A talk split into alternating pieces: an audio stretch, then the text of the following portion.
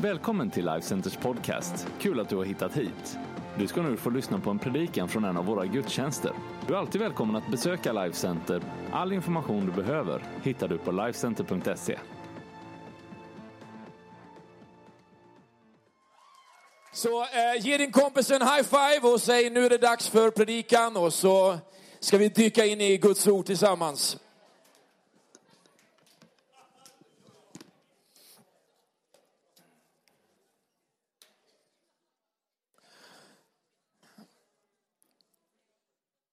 Missionssöndag är ju alltid en speciell söndag på många sätt och det, är ju inte det, här, så- det handlar ju inte om att Gud bara talar till en person eller till en människas liv. Eh, Han talar till dig, han talar till mig. Framförallt har han talat genom sitt ord. Det är det som står fast. Eh, Det är orubbligt, det är dit vi går för att hämta riktning och glädje i våra liv. Och, eh, både justering, korrigering och en kurs för det som är vår framtid och vi älskar Bibeln predikar mycket utifrån Bibeln. Eh, predikar bara från Bibeln, eh, hoppas jag. Men så tror vi på en applikation i våra egna liv som blir eh, eh, exempel på en tillämpning. Och vi behöver vägledning allihopa. Eh, och vi kan växa allihopa genom hela livet. Och eh, jag vill bara innan jag börjar predika för er eh, säga ett jättestort tack till er allihopa för att ni är här idag. För att ni gör den här dagen till en fantastisk dag. Glad för alla, alla våra platser som vi är på, att ni kommer hit. Eh, vi tror på ett år för er som är, är eh, mäktigt, är, är välsignat på allt sätt. Och att Gud ska göra någonting stort både i Eskilstuna, Linköping och i, i Ludvika. Och här i Västerås. Det är det vi ber om. Vi har en enkel vision som kyrka, startade på ett eh, bibelord från Lukas 5 som handlar om att kasta ut på djupet och eh, en mirakelfångst som Gud ger de här ensamma, enkla fiskarna som han kallar sen att följa honom. Eh, vi har trott att Life Centers resa från första början är ett övernaturligt äventyr där vi följer det han säger. Det är det som gör livet spännande. Vi tror att det handlar om att skaror av människor ska uppleva livsförvandling. När vi blundar och när vi ser våran framtid så är det just det här med att skaror av människor ska uppleva, inte bara en härlig söndag eller en bra säsong i livet, utan ett, en riktig livsförvandling som handlar om resten av deras liv. Att hitta Jesus och att hitta en tro på Gud som bär i goda tider, i tuffare tider, men också som bär oss ända hem tills vi har avslutat vårt lopp. Vi tror att alla människor som, eh, som går på den här jorden ytterst är kallad av Gud att tjäna honom och följa honom, är älskad av Gud. Det är väldigt många människor som har fått reda på det och väldigt många människor som behöver få reda på det. Och eh, det är därför vi jobbar och det är därför vi satsar våra liv på att bygga eh, eller egentligen vara en del av det Jesus säger att han bygger sin församling. Det är inte vi som bygger hans församling, han bygger sin församling och vi är levande stenar i det här bygget. Idag så vill jag predika och försöker vara ganska koncentrerad. Jag har lovat att hålla min tid idag och allt det här så att jag, jag, jag är med på det här. Och det jag inte hinner, det tar jag ikväll. Så att det blir liksom en tvåstegsraket och, och, och hinner jag allt, och hinner jag allt och då har Gud någonting annat. Eh, och det har jag, också. Eh, men eh, eh, blir det inte allt så blir det fortsättningen där. Eh, därför att det här är en viktig dag som vi tror att vi ska kunna få ladda in i och jag vill inte slarva över det. Eh, Temat på min predikan är utifrån en bibeltext jag eh, läste och som verkligen blev levande. Jag vaknade en morgon och så bara fick jag, ett- fick jag ett bibelord. Och det är ju det som är fördelen när man läser sin bibel. Att bibeln, man behöver inte alltid bara öppna bibeln utan ordet bor igen. Och ordet påminns genom den heliga ande. Och så får man gå till det och gräva i det och det går djupare i ens liv. Och det är sammanhanget om Elia och Elisas stora skifte. Det som handlar om att en dubbel arvslott som svar på den bön eller den begäran Elia, Elisa får ge till Elia när han frågar honom, begär av mig. Eh, det som är någonting som jag kan lämna till dig när jag nu lämnar den här platsen för att eh, gå hem till Gud. Och så får vi läsa om det som kallas för en dubbel arvslott eller double portion som det står på engelska av din välsignelse, av den ande som finns över Elia. Det är en dubbel portion och vi tror att det är givet genom den heliga ande till oss. Han har kommit till oss. Men vi vill också se hur Gud förlöser någonting nytt över våra liv. Och jag vill ägna mig åt det här idag. Så temat på min predikan, double portion, det är tid för ett skifte.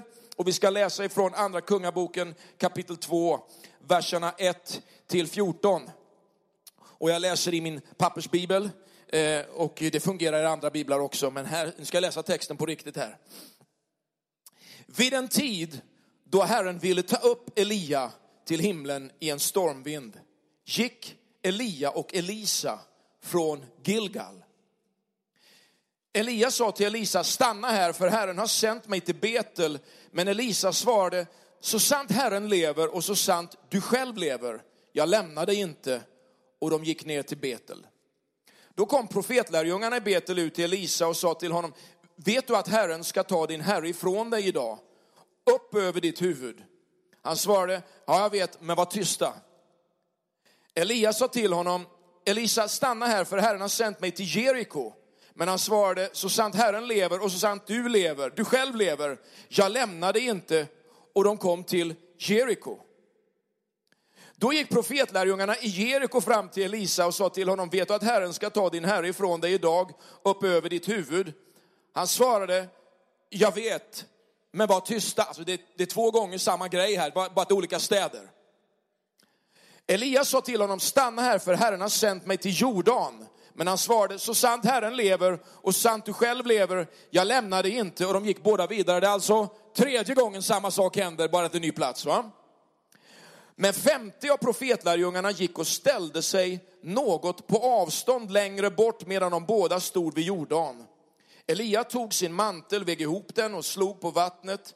Då delade detta sig åt båda sidor och de gick bägge igenom på torr mark. När de har kommit över sa Elia till Elisa, be mig om vad du vill att jag ska göra för dig innan jag tas ifrån dig. Elisa sa, må en dubbel arvslott av din ande komma över mig. Han svarade, du har bett om något svårt, men om du ser mig när jag blir tagen ifrån dig, då kommer det att ske, annars sker det inte. Medan de gick och samtalade, se, då kom en vagn av eld med hästar av eld och skilde dem båda från varandra. Och Elia for i stormvinden upp till himlen. Elisa såg det och ropade, min fader, min fader, du som för Israel är både vagnar och ryttare. Sedan såg han honom inte mer. Elisa tog tag i sina kläder och rev dem mitt i tu. Därefter tog han upp Elia, Elias mantel som hade fallit av denne och vände tillbaka och ställde sig vid Jordans strand. Han tog Elias mantel som hade fallit av denne och slog på vattnet och sa, var är Herren, Elias Gud? Då nu också Elisa slog på vattnet delade det sig åt båda sidor och han gick över. Herre, jag ber att du ska lysa på det här ordet på det sätt som är överlägset alla andra sätt, Herre. Det är när du med din ande som också bor i oss Gör ditt ord inte bara till bokstäver utan gör det levande, Herre. Låt det få bli liv och kraft och tro för det som är vår framtid. Herre, jag älskar dig Jesus. Jag tackar dig för att du också är med här i förkunnelsen. Att du låter mina ord ledas av dig, Herre, på bästa sätt möjligt. I ditt namn jag ber. Amen. Har du tänkt på hur viktigt det är med olika skiften i livet? Förändringar. Vi skiftar uppfattningar, vi skiftar vänner, vi skiftar arbeten, vi bor på nya platser, vi går igenom olika säsonger i våra liv. Och de här säsongerna kommer och går och när, när jag är 13 år så är det vissa saker som är viktigare som när jag är 64 år inte alls kanske är lika viktiga. Och det jag ägnar all tid åt när jag är mitt i familjelivet är saker som när jag är 50 år känner att det, det där har jag gjort och eh, det var härligt då men det är ganska skönt det jag har nu. Är ni med? Skiften. Det är skiften i livet, säsonger i våra liv. Livet består av skiften, livet består av säsonger, livet består av förändringar. Att skifta, det betyder ju någonting. Det betyder att sätta något åt sidan och ersätta det med något annat. Att förändra, att byta ut. Det betyder att flytta från en plats till en annan, det som handlar om position, det som handlar om eh, person, det som handlar om att gå till någonting annat. Det handlar också om att skifta och lägga i en annan växel. Det handlar om att förflytta sig framåt genom en annan utväxling. Det finns en annan utväxling. Det finns en annan växel. Det finns lågväxlar och det finns högväxlar. Och så fanns det när man körde lastbil förr i tiden halvväxlar också. Att komma in i en annan växel och få lägga in en annan växel. Jag tyckte det var jättespännande. Den här berättelsen vi har läst här är en mycket spännande story. Det är bara två människor som har blivit hämtade av Gud innan de dog. Det är Bibelns eh, Hanok, eller som han heter på engelska, Enok. Och det är Elia. Du kan läsa bland annat om det här i första Mosebok 5 om du vill. Ordet dubbel möter vi särskilt i Guds ord vid sex olika tillfällen. En dubbel, en dubbel någonting. Alltså så mycket som man har gett till andra skall komma tillbaka dubbelt. I Jesaja 61 står det talas om en dubbel glädje istället för sorg. Och i det här sammanhanget så står det talas om arvsrätt.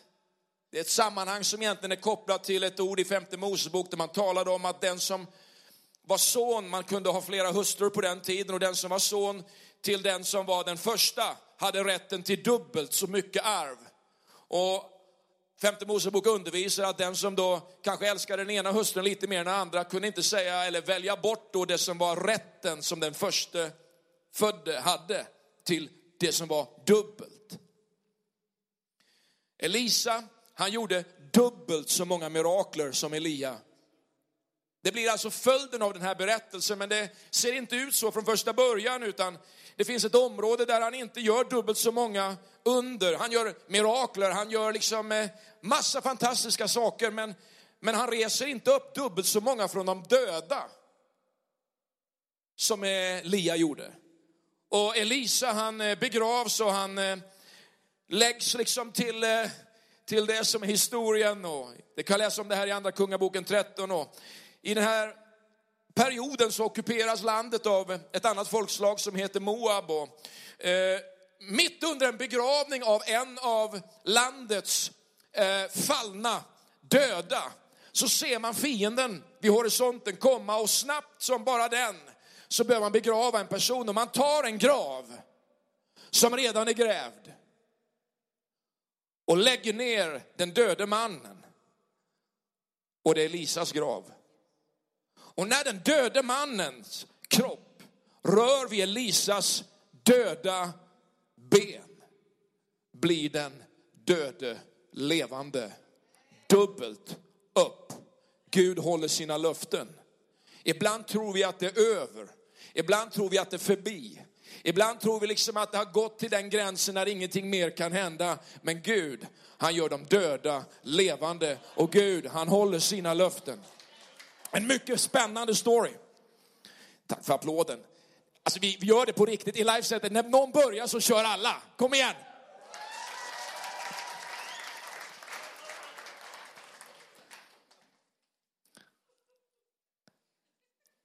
Finns det något som kan öka i kraft på ett sådant sätt att det som igår tog ett år att göra för dig skulle gå på ett halvår?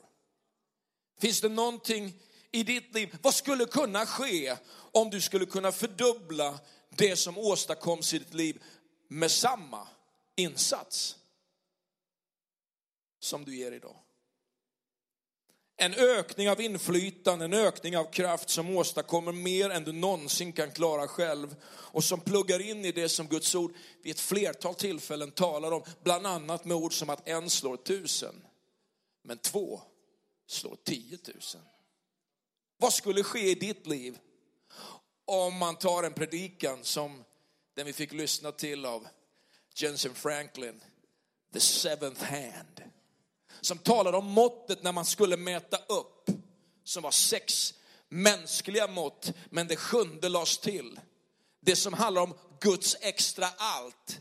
Guds plusmeny i ditt liv. Vad skulle hända om Guds plusmeny lades på det som är dina insatser, då du inte längre behövde jobba bara i den kraft Gud har gett dig fram tills nu, men att det finns något extra allt när den helige andes kraft kickar in i ditt liv och du får se vad dubbelt upp verkligen betyder.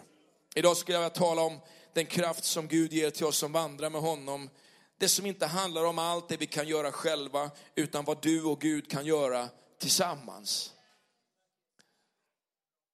Det här med tilltal för ett år, ja det var ju i månadsskiftet där oktober-november jag verkligen fick tag i den här texten på ett särskilt sätt och jag har gått och kokat länge på det. Och jag tror att det är ett personligt tilltal, för Gud han talar personligt till oss. Eh, men jag tror också att det är ett tilltal till oss som kyrka och förhoppningsvis så kan du fånga någonting som gäller ditt liv och det som är din framtid. Vet, livet med Gud, livet med den helige ande är ett frigörande av hans potential i våra liv. Vi kan ju leva liv som i något lite, ska vi säga ambivalent Luthersätt, sätt handlar om att vi aldrig riktigt, riktigt duger. Att vi aldrig riktigt, riktigt orkar leva upp till någonting. Men när Gud kommer med sin nåd, med sin sanning, så är det inte bara så att vi ska släpa oss genom livet, utan han skapade någonting i oss. Som att vi som människor inte bara skulle halka oss igenom livet, utan att våra liv tillsammans med honom skulle kunna bli härliga här på den här jorden. Och Guds ord talar om att vi till och med som har lämnat och övergett någonting för att följa honom redan i den här tiden skulle kunna få tillbaka någonting av allt det som vi har gett till honom, men som han också vill ge till oss. Att det finns i dig en sån inneboende potential som han har lagt dig, därför att Gud är Gud och att det Gud gör dig alltid är gott. Att det Gud har skapat är gott. Så när han inte bara skapar skapelsen och det blev afton och det blev morgon den första och den andra och den tredje och fjärde och femte dagen så, så är det gott. Utan också när han skapade dig så var det någonting gott. Det var någonting gott. Jag tror att vi ibland har ett visst ambivalent också förhållande till det som är arvsynd. Att vi alltid liksom ska släpa oss ur något liksom, nederlagsläge där barnet som vi får, får vara med och, och sträcka våra händer och be för och den här familjen idag. Att det barnet känner inte vad synd är men någonstans i livet så händer någonting i det barnets liv där man måste välja det som är rätt och det som är fel. Och så har vi alla gått miste om härligheten från Gud för att vi kommer alla att göra fel. Men det finns också någonting som talar om att Gud kommer till oss. Han sänker sig ner till oss och att när vi kommer till honom så behöver vi inte längre vara i fruktan, i nederlag. Vi kan ta emot hans nåd och behöver inte leva resten av våra liv som jag arma fattig syndare utan vi kan leva rättfärdiggjorda som Bibeln säger. Det är liksom en attityd till hela livet att få sträcka på sig utan att känna att man har högmod bara för att man är frälst och förlåten. Utan man får leva ett härligt och fantastiskt liv tillsammans med Gud. Därför att han tog emot mig. Han gav mig det jag behövde och han tog allt det andra på sig. I den här texten så är det ett skifte. Det handlar om att följa Guds tilltal, det handlar om generationer och det handlar om en ökad kraft. Låt oss tala om det första här då. Får vi se hur långt vi kommer här. Att gå vidare. Det här skiftet handlar om att förändra någonting, flytta någonting, skifta ut någonting genom att gå vidare. Du vet din fiende, den som Bibeln kallar för djävulen, han är inte så oerhört intresserad i din nuvarande situation utifrån att han bara vill sabba din nuvarande situation. Han är ute efter att förstöra det som är din framtid. Han är ute efter att eh, bromsa dig i det som handlar om vad ditt liv kan bli. Vad som är din destination. Du är på väg någonstans med ditt liv och om han då ingriper i det som är ditt nu, då är det inte alltid nuet som är det viktigaste för honom. Men nuet blir viktigt för honom därför att han kan hindra dig genom att dela med ditt nu, att ta tag i det som är ditt, din framtid, din destination. Och många gånger så, så går vi liksom i någon form av också oro över vår nuvarande situation därför att vi förlorar bilden på det som är vår destination.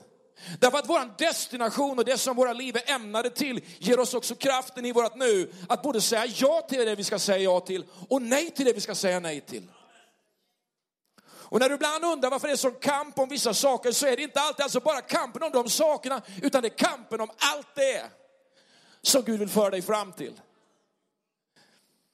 I den här texten så möter vi en resa till lite olika destinationer och den lär oss någonting om våra egna liv. Den, jag förstår genom att bara läsa första versen att det, det, handlar om att vi har en viss tid att verka i våra liv. För det står att den tid då Herren ville ta upp Elia. Alltså det finns en tid när någonting är färdigt. När någonting är över. När en annan säsong i livet träder in. Du vet, det är ju det som gör sport så spännande. Det är det som gör en match så spännande. Tänk om du skulle titta på en hockeymatch och det inte finns en sluttid. Tänk att titta på en fotbollsmatch, en handbollsmatch och det inte finns en klocka. Tänk att vara gravid utan ett sluttid. Alltså en del nästan svimmar vid bara blotta tanken här. Och bara, oh, större och större och större och större och större och större och större. Inget slut. Men det är ju det som gör matchen så spännande. Att det finns en sluttid. Att det finns en slut. Ja, men, ni har väl varit med om va? en sån där match? När de där sist, det är bara fyra sekunder kvar. Vi har tre utespelare och de har sex utespelare. Va? Två sekunder. Och har man varit med så länge som några av er har varit så kommer ni ihåg matcher där allt förändras sista sekunden. Och oftast är ju Sverige på den segrande sidan, halleluja. Det rök ett riktigt stort och fett, alltså eh, coffee table, jag vet vid någon hockeymatch när jag gick bibelskola en gång i tiden för att jag stod, jag stod på, eller vi stod på det, vi slog sönder, nej det gjorde vi inte, vi, vi dansade sönder saker. Bara de sista sekunderna. Men det handlar också om att vi har en slutdestination, för det står i texten att det kom en tid då Herren ville ta upp Elia till himlen. Inte bara en tid, det är också en destination. Du har en Gud som längtar efter dig. Det var en tid, det kom en tid då Gud längtade efter Elia så mycket att han ville ta hem honom. Tänk att Gud längtar efter dig. Gud längtar efter dig så oerhört mycket va? att han kan inte vänta nästan på att ta hem dig så han var tvungen att komma hit. Han ville vara så mycket med dig så han kom hit. Och att titta på de här platserna, det är ju en framåtrörelse som hela den här berättelsen talar om. Gilgal, den plats där du kommer ifrån. Vad är det för en plats? Den här texten är en ganska spännande plats därför att den talar om någonting som har varit då. Det handlar om de tidigare segrarna i livet. Vet, det här Gilgal var ju platsen där Israels folk kampar efter att de hade gått över Jordan. Kanske har du tagit beslut någon gång i ditt liv du har kanske varit på en plats eller i en kyrka eller stått ute i naturen någonstans och har du tagit ett beslut för Gud och det blir någon form av helig plats.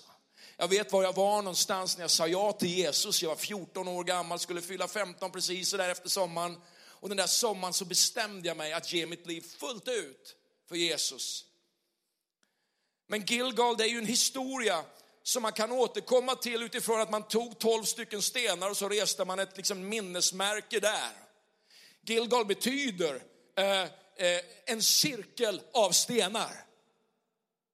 En cirkel av steg. Men om jag skulle stannat vid Gilgal, om du skulle stanna vid den plats där du tog dina heliga beslut, så hade du praktiskt taget gått runt i cirklar. Gilgal är viktigt, men du kan inte stanna vid Gilgal. Du som har offrat något av dig själv för att visa att du tillhör Gud, så det är, bra, det är bra att göra det. Gilgal var platsen där, där Josua omskar allihopa som hade blivit födda under tiden man lämnade slaveriet i Egypten tills man kom till det förlovade landet. Det är bra att lämna någonting bakom sig. Men du måste gå vidare. De går vidare till en plats som heter Betel. Det är inte en plats dit Gud har sänt dig, för det säger texten att Elias säger till Elisa, vi ska gå till Betel. Den plats, eller han säger, Gud har sänt mig till Betel, står det i texten. Och Betel, det är en plats dit, dit man går som, som betyder Guds hus. Bet-El. Vem? Ja, Els hus betyder det. El Shaddai. El, Herrens hus. Och det är så underbart att komma till en plats, vet Guds hus är ju platser för tillbedjan på den här platsen i Betel, där bygger Abraham ett altare på väg till Egypten, kan du läsa om i första Mosebok 12. Det är en plats, Betel, för uppenbarelse. Det är där som Jakob har sin drömsyn. Då han ser den här stegen som sträcker sig mot himlen. Ända upp till, det är en plats där Gud lovar Jakob Kanans land. Det är en plats för en ny framtid. Det är platsen där Gud ger honom namnet Israel. Han får en ny identitet i Guds hus. Men Guds hus, hur underbart det än är en söndag att gå till Guds hus och Bibeln talar mycket om det. Jag fylldes av glädje på vägen till Guds hus. Och vi tror liksom på det här med att vara i Herrens hus på Herrens dag. Vi älskar det uttrycket. Men kyrkan är inget stationärt monument. Det är därför vi inte tror på att vi ska bygga ett kloster här på Brandhovdagatan 1. Utan kyrkan, det är ett folk på väg. Vi är ett folk som är på väg. Och det är så man också beskriver de första kristna i Nya Testamentet. De kallades för vägens folk. De var på väg. Men han förs också till en annan plats, Jeriko. Platsen som påminner dig om alla dina stora segrar. Platsen där murarna en gång rasade. En stad som Josua först intog när man erövrade kanan 1400 år före Kristus. Jeriko, den äldsta stad som någonsin har grävts ut, 8000 år gammal. Men man hittar ingenting. Ja, man hittar ju rester liksom efter att ha varit en stad, men den där muren som rasar hittar man inte riktigt. Varför då? Ja, Bibeln säger att man skulle vara förbannad om man byggde upp den staden. Så allt material där är bortforslat någon annanstans, trots att det ligger på en plats som var nära de mest liksom, rogivande källorna och vattenkällorna som bara existerade i hela området. Det finns förklaringar. Men Jeriko är också en plats där vi behöver förstå att vi inte kan leva i våra gamla upplevelser och segrar därför att det finns någonting nytt framför oss. Och så förs man till Jordan.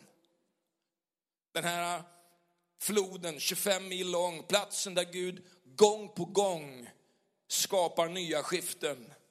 En livgivande flod som talar om ett före och ett efter. Där vid ett av de där biflödena vid Jabboksvad så brottas Jakob med Herren om natten. Och Gud märker honom för resten av hans liv. En plats av ett före och ett, ett efter. Det finns en plats av ett crossing over. Där man faktiskt lämnar det som är gårdagens slaveri. Och man kliver in i det som är morgondagens erövring. En plats där man gör upp sitt gamla liv och en plats där man döps in i det nya liv som Jesus har för oss. När Jesus kommer till Johannes döparen som döpte Jordan så säger han, det är för att vi ska fullborda rättfärdigheten. Vi ska få fullborda någonting, lämna det gamla, kliva in i det nya. Vi behöver alla passera de här platserna och komma till det som Gud har förberett för oss. Och det är därför det är så oerhört angeläget för oss att förstå att vi behöver också gräva djupare. Det är min punkt nummer två. Det finns tre punkter som vanligt, men jag har sagt det här, ni vet jag har sagt. Elisa säger tre gånger när Elia vill gå ensam, jag lämnar dig inte. Jag lämnar dig inte. Jag lämnar dig inte. Vet, en av mina absoluta sportfavoriter det är ju Thomas Wassberg. Det var alltså en skidåkare en gång i tiden för alla er som är födda på 80 och 90-talet och nyare modeller. Som var en gnetig skidåkare. Han tackade nej till bragdguldet en gång. Han tyckte att den som fick det förra året var inte rätt person. Va? Nej, han fick inte det förra året så då vill inte jag ha det i år. Ganska lite tjurig gubbe sådär va. Men han var fantastisk skidåkare som bara gnetade va? och la huvudet på sned. Kanske inte lika mycket som Johan Mieto, men han la det lite på sned och så gnetade han på. Va? Jag älskar sådana här som kan gräva lite djupare. Verkar som att vi har fått ett litet handbollslag som är åtminstone åt det hållet nu. Jag älskade Paolo Roberto i en av de här VM-matcherna mot eh, Javier Castillejo. När han är nästan sönderslagen, men han ger inte upp. Det är något mäktigt. Jag, jag, jag har bett om förlåtelse flera gånger här i kyrkan för att jag älskar boxning, men min uppmuntran till dig som frestas att lägga ner är att gräva djupare. Hålla fast vid din kallelse. Det finns en gammal eh, tv-reklam från Bengan Boys. De sitter i någon bastu och så tar någon upp liksom en hårtork och i bastun blåser på någon av de andra killarna i bastun. Viker du ner dig, sa han. Viker du? Aldrig. Har ni suttit i en bastu någon gång och blåst på kompisen framför? Det är inte kallt kan jag säga. Det är varmt. Hur undviker jag att vika ner mig? Du ska få några korta punkter här. Let it go. Let it go. Låt saker gå. Dåliga beslut, ditt gamla liv, det människor gjort mot dig. Det kan låta som en paradox, men att gräva djupare kan handla om att leva ett liv där inget lik i lasten hindrar dig från att gå den väg Gud har kallat dig att gå. Det är därför jag älskar frälsningen och Jesus, för man kan få lämna det gamla. Häng kvar. Ibland så är det inte bara känslor som behövs. Vad händer liksom i en situation när man inte känner något? När man inte upplever någonting? När man inte upplever liksom att det är änglakörer och, och, och, och lovsångsmusik, utan det bara är... Du vet, det kanske är där man behöver mer tro än någonsin. Va? Att bara hänga kvar. Du behöver hänga kvar om du ska komma vidare och gräva djupare. Du behöver också stanna bland de levande. Han säger i texten där, så sant Herren och du lever. Jag backar inte. Jag hänger kvar vid det som lever. Häng kvar vid det som lever. Häng kvar vid det som lever. Ah, de här drömmarna har gått. Ja, men hitta en ny dröm. Häng kvar vid människor som lever. Vi har en levande tro. Vi är kallade till levande människor. Vi ska vara en levande kyrka. Det ska pumpa av liv. Så länge du andas så finns det liv. Så finns det hopp. Men du behöver också tysta röster. Jag ska be våra team att ni kommer upp. Du behöver också tysta röster som får dig att tappa ditt fokus på Jesus. Hur välmenande de än är. Varför då? Jo, du blir det du talar. Du blir det du talar om. Min bibel säger att Herren han tronar på sitt folks lovsånger. Han bor där, säger texten egentligen. Han bor bland sitt folks lovsånger. Det är där han, du vet när, när du talar tro så agerar Gud. Va? Men om allt du pratar om är sjukdomar så blir du sjuk. Ju mer du pratar om dina sjukdomar och allt som är sjukt så blir du sjuk. Ju mer du pratar om hur sjukt Sverige är desto sjukare blir Sverige. Ju mer bitterhet du talar, desto mer bitter blir du.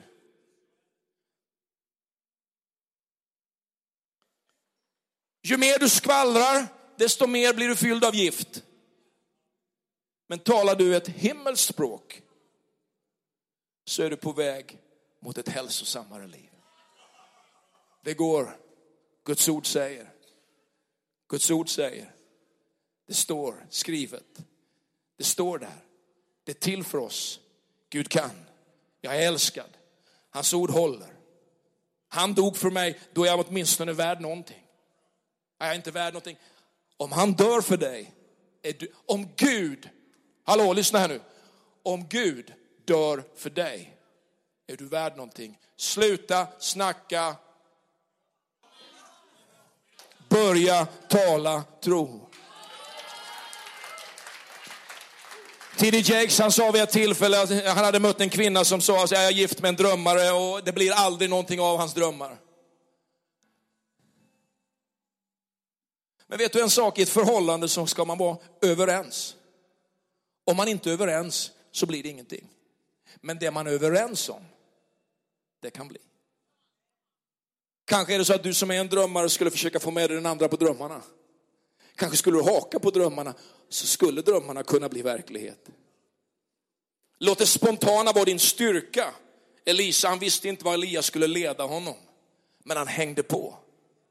Glädje, det finns inget mer smittsamt än glädje. Ibland tror vi att kristen tro är bara en tung börda, helt fel.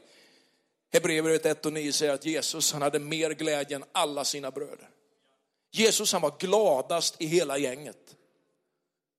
Ibland tänker man så här, ah, men det var grabbarna som garvade lite runt omkring och de busade lite och Jakob och Johannes, du vet. Och sen så satt Jesus där som en... Men jag, jag, jag tror, jag tror att Jesus han kunde säga så här, har, har ni hört den här? Tänk om, tänk om Jesus liksom satt där, har ni hört den här storyn? Låt mig berätta en story, det är inte så många som vet om det här, men det fanns liksom en ängel. Det är klart det fanns stories om änglarna. Det fanns stories liksom om skapelsen som inte var berättat. För Bibeln säger att det här är några av de berättelser som är uppskrivna. För att om vi skulle beskriva alla så skulle inte det kunna rymmas i världens alla böcker.